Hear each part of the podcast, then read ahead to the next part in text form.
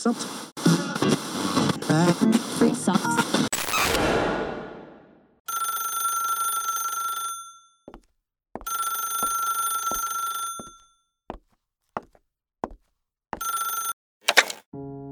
Coba kamu yang opening. Ah nggak bisa. Udah dicoba belum? Belum. Aku pakai ala kamu aja ya. Iya boleh. Nama kamu jadi Gary gitu. Namanya nama Iya, kamu lah. diam, diam, ya. Ya. Hey halo semuanya. Lo lagi dengerin podcast gue. Sally Ardiani. Happy banget ya. Iya iya iya. Hey halo semuanya. Benar ini kita gue lagi ngobrol lagi sama Sally karena banyak yang request. Ayo dong sama Sally lagi dong, sama Sally lagi dong gitu semuanya. Jadi sebenarnya orang-orang lebih nungguin kamu daripada aku tau gak? Eh, ya karena aku jarang muncul kali. Aku lagi disembunyiin sama kamu. Katanya sih, katanya ket- ketawa kamu nular. Oh iya tah? Iya Apa kamu iya? ketawanya kayak covid berarti.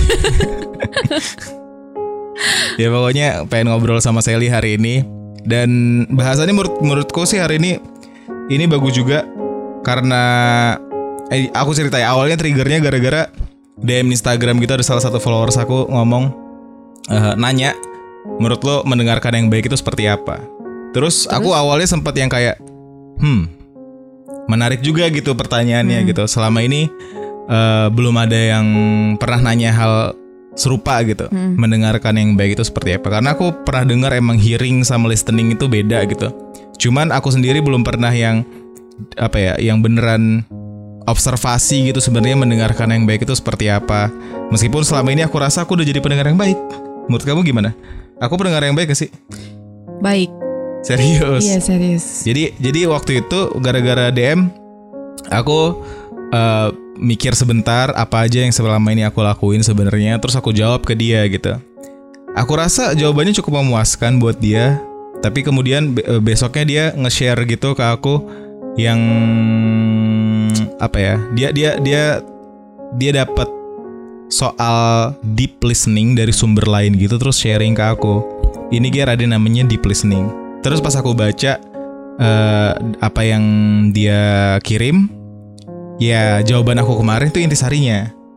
Cuman cuman di ya karena dia dari artikel dijabarin semuanya gitu apa sih sebenarnya deep listening gitu. Makanya kita hari ini mau ngebahas itu. Menurut menurut aku sangat penting adanya deep listening ini dalam hubungan dan dan kalau misalnya belum pernah denger ini eh sayang banget kalau nggak tahu deh pokoknya karena ternyata impactnya jadi gede. Impactnya jadi gede. Tadi kan aku udah cerita soal apa dosen aku yang kemarin. Oke. gua temuin gitu mau bimbingan guys. Terus mungkin dia have a bad day atau gimana gitu. Terus jadinya agak marah. Bukan marah. Ya dia lagi lagi bad mood lah ibaratnya gitu. Lagi bad mood. Oke Lagi lagi, bad mood. Dia dia bilang oke apa namanya? Eh, dia bilang iya saya tahu. Eh, pokoknya ngomongin ngomongin apa yang gua pengen dapat dari dia hari itu bukan karena dia yang nggak mau ngasih tapi emang lagi ada birokrasinya lah segala macam itu. Terus gua jawabnya dengan kayak oh iya baik pak saya tungguin kok nggak apa-apa gitu. Langsung tone down gitu. Eh taunya ternyata itu sangat impactful buat dia yang mungkin awalnya dia ngira gua datang itu untuk untuk memprotes atau atau apa ya ibaratnya eh, mengkritik gitu ini kok belum selesai-selesai juga gitu. Ternyata setelah gua ngomong gitu dia jadi ikutan tahun down gitu kayak dia jadi ikutan oh iya. Terus dia malah ngomong, "Oh, Gary kamu gemukan sekarang gitu." Malah Oh, ya? malah jadi baik gitu.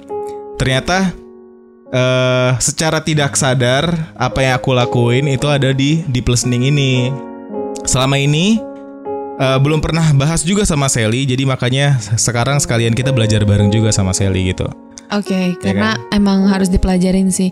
Karena jujur aku juga kayak masih abu-abu gitu kan. Kadang kadang aku bisa nggak menjadi pendengar yang baik. Ya, kamu pendengar yang baik kalau nggak lagi PMS. Oke.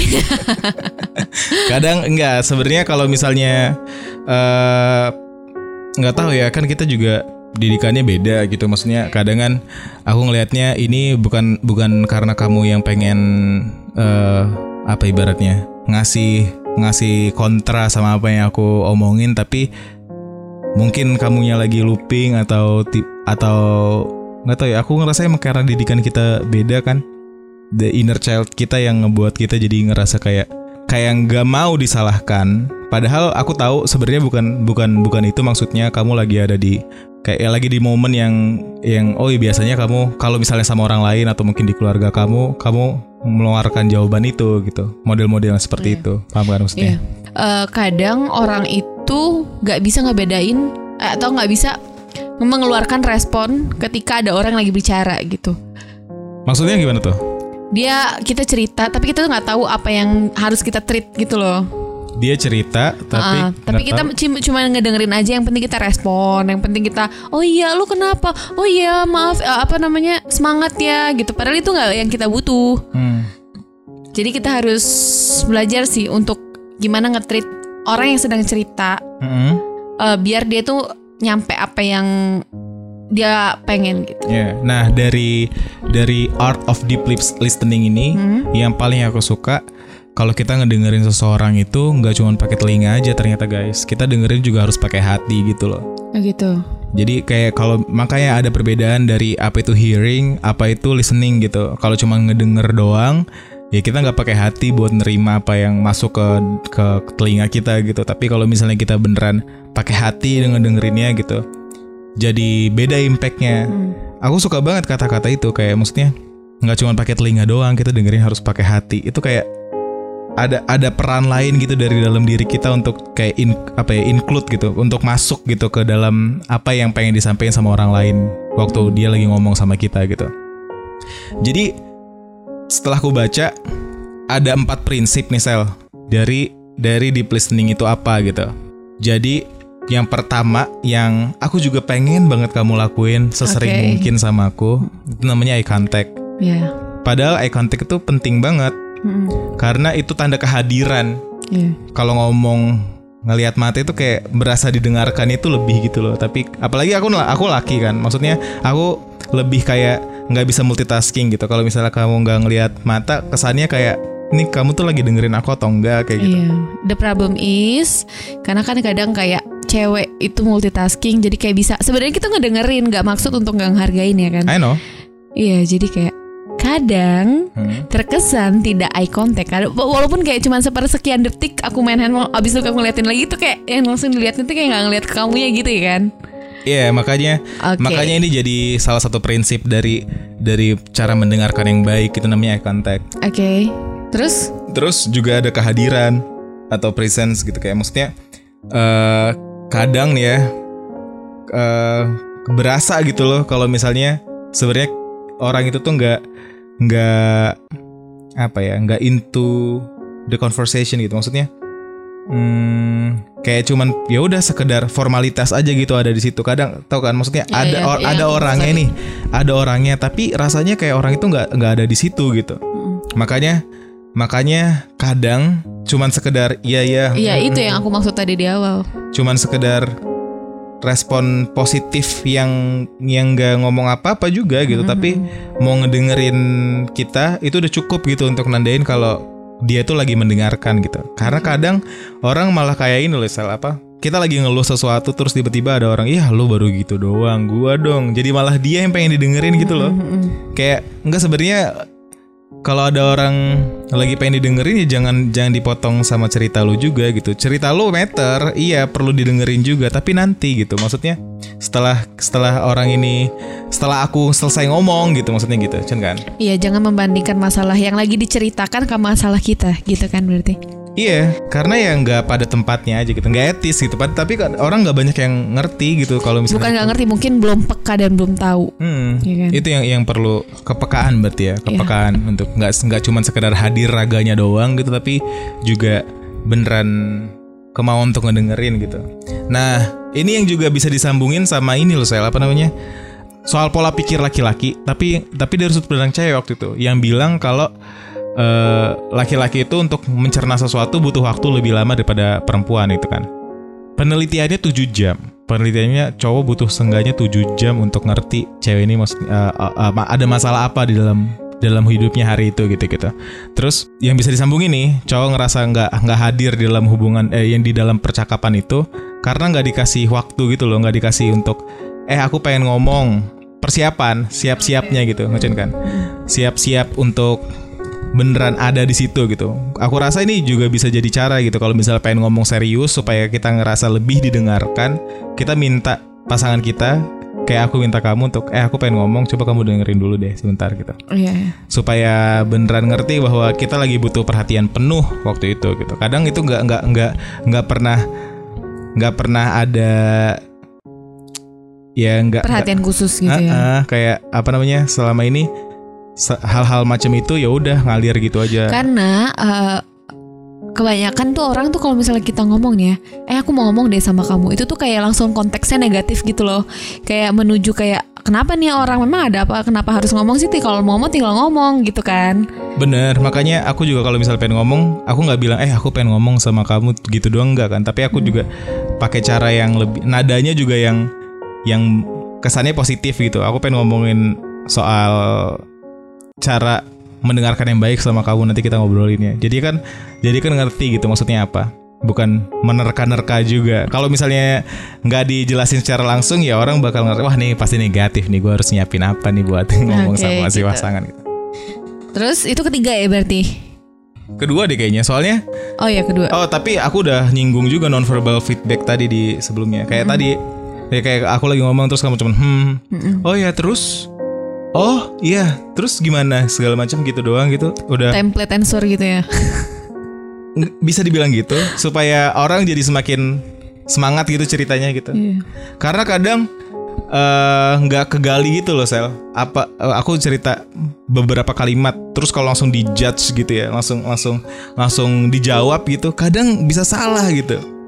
Makanya kan ada angry iceberg kan anger iceberg sorry dari ini juga Dr. John M. Gottman nih sel nih aku liatin ke kamu ya jadi anger itu atau atau emosi gitu marah lah gitu ya jadi kayak iceberg kayak kayak sebuah bongkah es gede di lautan gitu yang kelihatan di permukaannya kecil tapi di dalam lautannya ternyata banyak gitu hal yang yang menyebabkan dia ngerasain kayak gitu kemarin dibahasnya primary dan secondary emotion karena dari dari deep listening ini kita karena pakai hati nih ya kita nyari nih layer di belakangnya itu tuh sebenarnya dia itu lagi ngerasain apa dan pengen menyampaikan apa ke kita.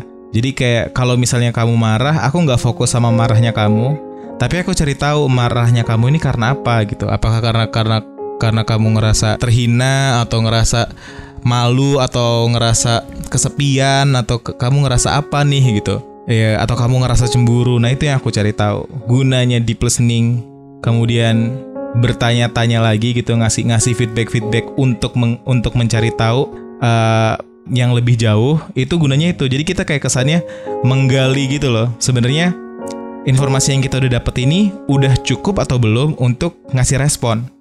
Paham kan jadi nggak nggak yang paham kan mereka nggak mereka nggak Iya, iya. kamu ngangguk-ngangguk Sally Aku terkesima kamu ngomong gitu. Jadi aku oh iya gitu. Iya iya paham paham paham. Iya, oke. soalnya Sally ngangguk, tapi kalian nggak tahu kalau Sally ngangguk ya. Nah, jadi jadi gitu. Jadi kesannya eh kita nggak cuman ter apa ya? Kita nggak cuman ngedengerin dia marah, tapi kita nyari tahu marahnya dia kenapa gitu. Jadi kita kalau ngasih feedback kita bukan feedback yang eh, men apa ya? Jadi jadi kontra dia gitu, tapi kita jadi justru lebih ta- pengen tahu oh yang kamu Kenapa? rasain apa gitu? Yang kamu pengen sampai ini sebenarnya apa? Jadi misalnya kamu marah terus kita bisa bisa bisa, bisa nanya kayak bisa nanya kayak kamu marah kayak gini tuh sebenarnya penyebabnya apa? gitu. Aku nanya kamu marah kayak gini eh, karena kamu ngerasa cemburu ya? Atau atau atau apa? gitu. Jadi aku berusaha mencari tahu gitu loh di baliknya ini masalahnya ada apa gitu nah Oke. kadang Mm-mm. kadang eh, kan ada tipe-tipe feedback yang yang sotoy kesannya. Soto iya. Maksudnya maksudnya itu eh Soto dan judging gak sih? ah, mungkin maksudnya baik kayak ngasih respon, Mm-mm. cuman bikin bikin orang apalagi tipe aku yang udah menyiapkan kata dari A sampai Z gitu ya, udah teratur banget itu kalau ngomong. Jadi Terus kesel- terus. mm. itu nggak bukan itu yang aku maksud gitu misalnya. Jadi menurut aku terus tiba-tiba kadang kamu nyeletuk itu nggak baik ya. Terus aku bukan nggak baik, gitu kan? Oke. Jadi kayak responnya harus yang lebih kayak "Ya udah. Jadi kayak Oke, aku ngerti kayak jadi kayak jangan menyimpulkan sendiri padahal dia yang lagi mencerita gitu. Mm-mm. kayak informasi kita tuh harus nanya gitu Dikulik inform- dulu informasinya, nanti baru dia yang menyimpulkan sendiri gitu. Bukan Iya. si pendengarnya. Ba- boleh pendengarnya yang nyimpulin tapi udah udah cukup atau belum informasi yang didapat untuk menyimpulin itu karena kadang itu apa namanya yang didapat cuman permukaannya doang gitu Bel- belum sampai ke akar-akarnya gitu tapi udah langsung ngasih kesimpulan. Itu yang yang nggak bagus gitu. Mas makanya makanya harus ingat kalau misalnya pas ngobrol tiba-tiba ada marah ingat ada iceberg ada bongkahan es itu yang yang yang yang perlu kita cari tahu. Bukan cuma permukaannya doang tapi di di balik itu secondary emotionnya sebenarnya dia itu lagi dia itu lagi kenapa gitu. Itu yang ngebuat eh, seseorang bisa jadi pendengar yang baik gitu. Masa, paham kan maksudnya? Ah, iya, paham. yang terakhir itu koneksi, connection. Jadi kadang kalau misalnya kita ngobrol sama seorang gitu, kita tuh kesannya nggak nggak welcoming gitu. Maksudnya body- ini lebih ke body language deh kayaknya. Kayak misalnya kita harus uh, duduknya yang rapi, du- maksudnya duduknya yang tegak atau atau mencondongkan badan untuk memperlihatkan kita itu sedang sedang sangat antusias mendengarkan dia gitu loh. Jangan jangan crossing arm. Kan crossing arm itu kan tanda kita menutup diri eh dengan obrolan tersebut kan gitu kan. Kalau kita bete atau kita sering lihat jam gitu, kita tuh nggak nggak lagi ada di situ berarti. Paham kan maksudnya? Jadi body language juga penting gitu. Gimana kita eh, memperlihatkan antusias kita ngedengerin dia. Itu salah satu cara untuk bisa ada empat prinsip dari iya, Iya. apa deep listening. Terus kamu bisa nggak sih contohin kayak kata-kata apa atau respon apa gitu yang eh, emang dibutuhkan sama orang yang lagi cerita gitu? Karena kan nggak semua orang bisa bisa mahamin gitu kondisinya apa, terus itu yang dia butuh itu apa. Nah, Oh ini ini aku langsung kamu nanya gitu aku keinget sama kemarin pas aku ngobrol sama teman-teman aku.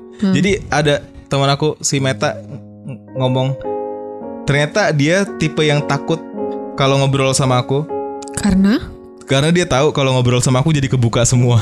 oh gitu. Aku heran oh, iya. Cenayang apa kamu ini?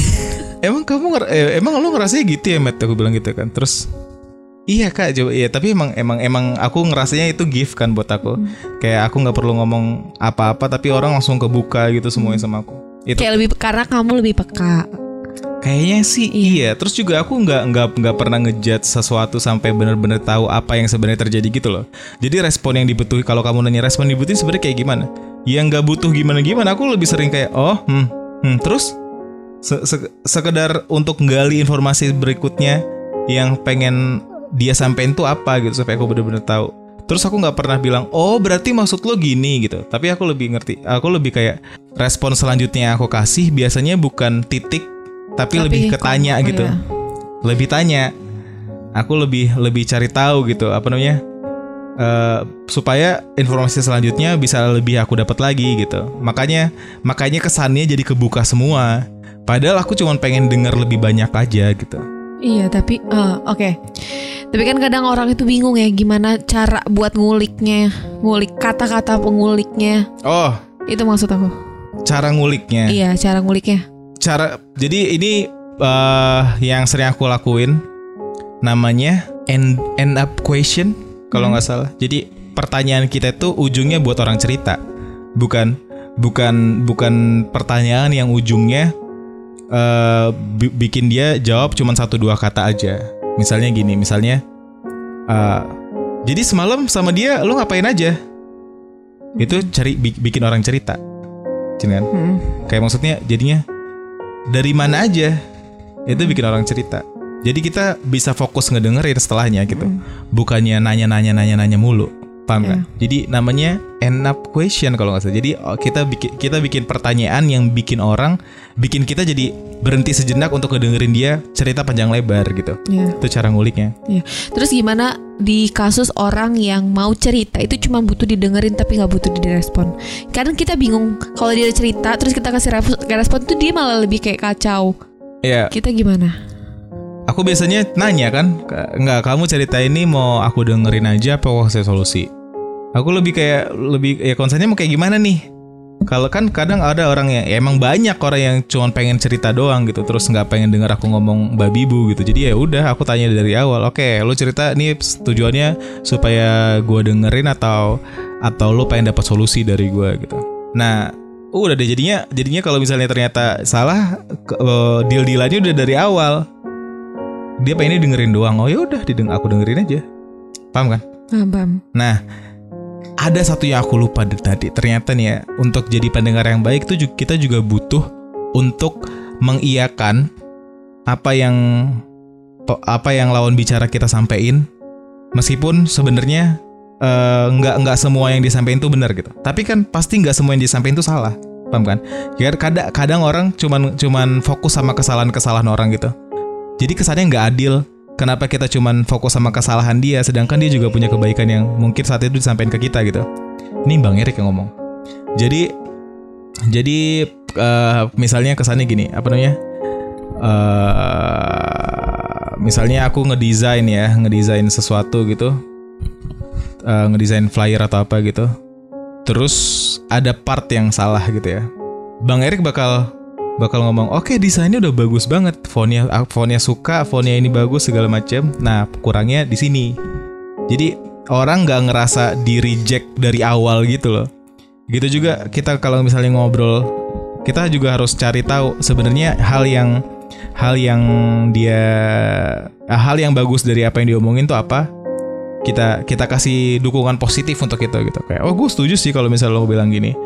Cuman setelahnya kita bisa sampaikan apa yang menurut kita perlu kita gali lagi untuk cari tahu jawaban selanjutnya gitu. Jadi nggak ngejudge tetap tapi nanya gitu. Karena pertanyaan-pertanyaan ini jadi jadi ngebantu orang untuk punya pola pikir yang lebih baik gitu. Kayak eh, oke kalau per- jadinya jadinya lebih lebih mikir kan kalau aku nanya menurut lo emang ini baik buat dilakuin gitu. Dia jadi dia, dia, dia jadi lebih mikir kan. Oh oke pertanyaan itu kok nggak kepikiran di gua terus pas dijawab dia jadi ketemu jawabannya yang selama ini nggak pernah dia cari tahu gitu paham kan maksudnya Iya, paham. ya gitu jadi menurut aku sih itu sih cara cara ngedengerin yang baik Menurut kamu, sekarang kamu udah jadi pendengar yang baik ya menurut aku. Tapi menurut kamu sendiri apa hal yang belum kamu lakuin? dalam mengedengarin ini Iya. Eh, yang belum aku lakuin apa ya kayaknya kayaknya kalau misalnya ngomongin soal mendengarkan yang belum aku lakuin adalah kadang aku nggak sabar untuk membeberkan informasi-informasi ke orang yang menurut aku eh informasi belum sebanyak aku. Kadang gitu kayak maksudnya eh, jadi aku punya banyak end up question sebelum orang ngejawab pertanyaan aku itu doang sih. Kalau kamu menurut kamu kamu kurangnya apa untuk ngedengerin Hmm, kalau aku tuh mungkin karena aku terlalu antusias gitu ya mendengarkan orang. Jadi kadang kayak aku tuh udah mendahului orang cerita gitu loh. Jadi kayak lebih responnya tuh kayak lebih kayak eh ya kayak kamu tadi kayak langsung ngejudge atau ya kayak so tau oh jadi lo kayak gini oh gitu Ah. gitu Itu juga ada penjelasannya tadi. Jadi kat- katanya otak manusia itu kan kalau kalau ngomong kita bisa ngeluarin 160 kata per menit kalau nggak salah. Hmm. Terus orang kalau ngedengerin itu 400 kata per menit bisa.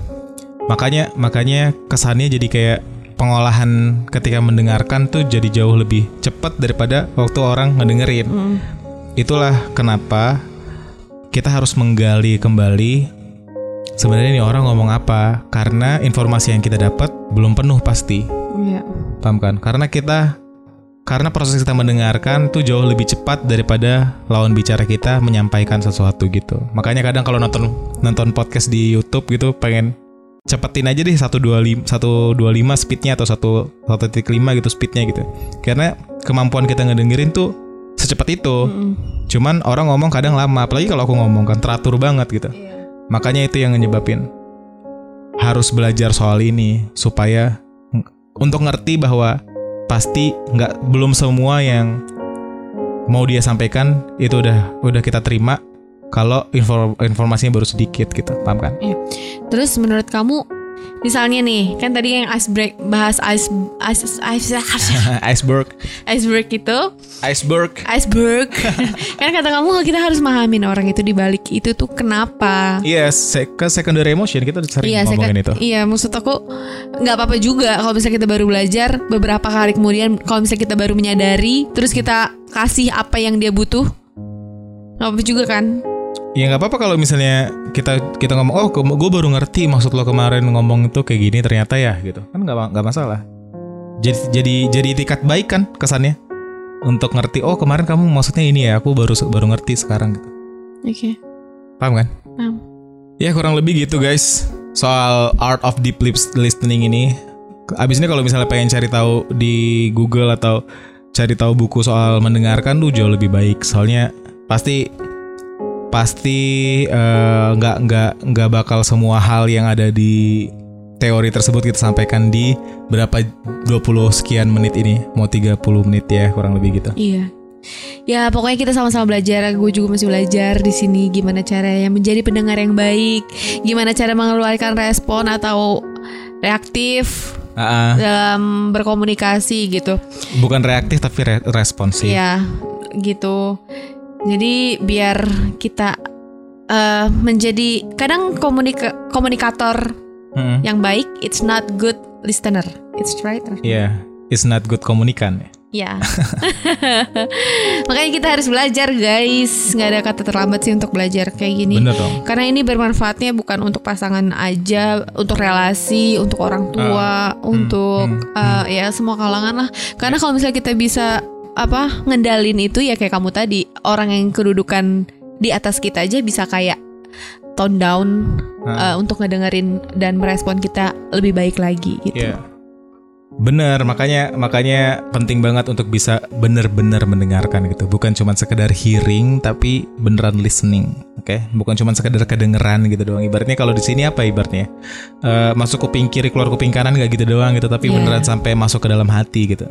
Anyway guys, sebenarnya Sel ini agak grogi awkward di pembahasan macam ini karena dia ngerasa wah ini kamu kalau misalnya kayak gini akunya eh, kelihatannya nggak nguasain materi lah segala macam gitu. Iya benar. That's fine kan menurut gue. Karena kan kita sama-sama belajar. Jadi kalau misalnya kamu emang beneran ngerasa gini, gimana kalau next podcast bareng kamu, kamu yang nentuin pengen ngebahas apa, kamu cari tahu materinya apa, kamu nyampein aku dengerin. Gimana? Wah. Ngolah tantangannya lebih berat banget karena aku kan gak good interviewer. Nggak masalah kan kita ngobrol doang sama kayak kita lagi ngobrol kalau nggak didengerin orang kayak gini juga.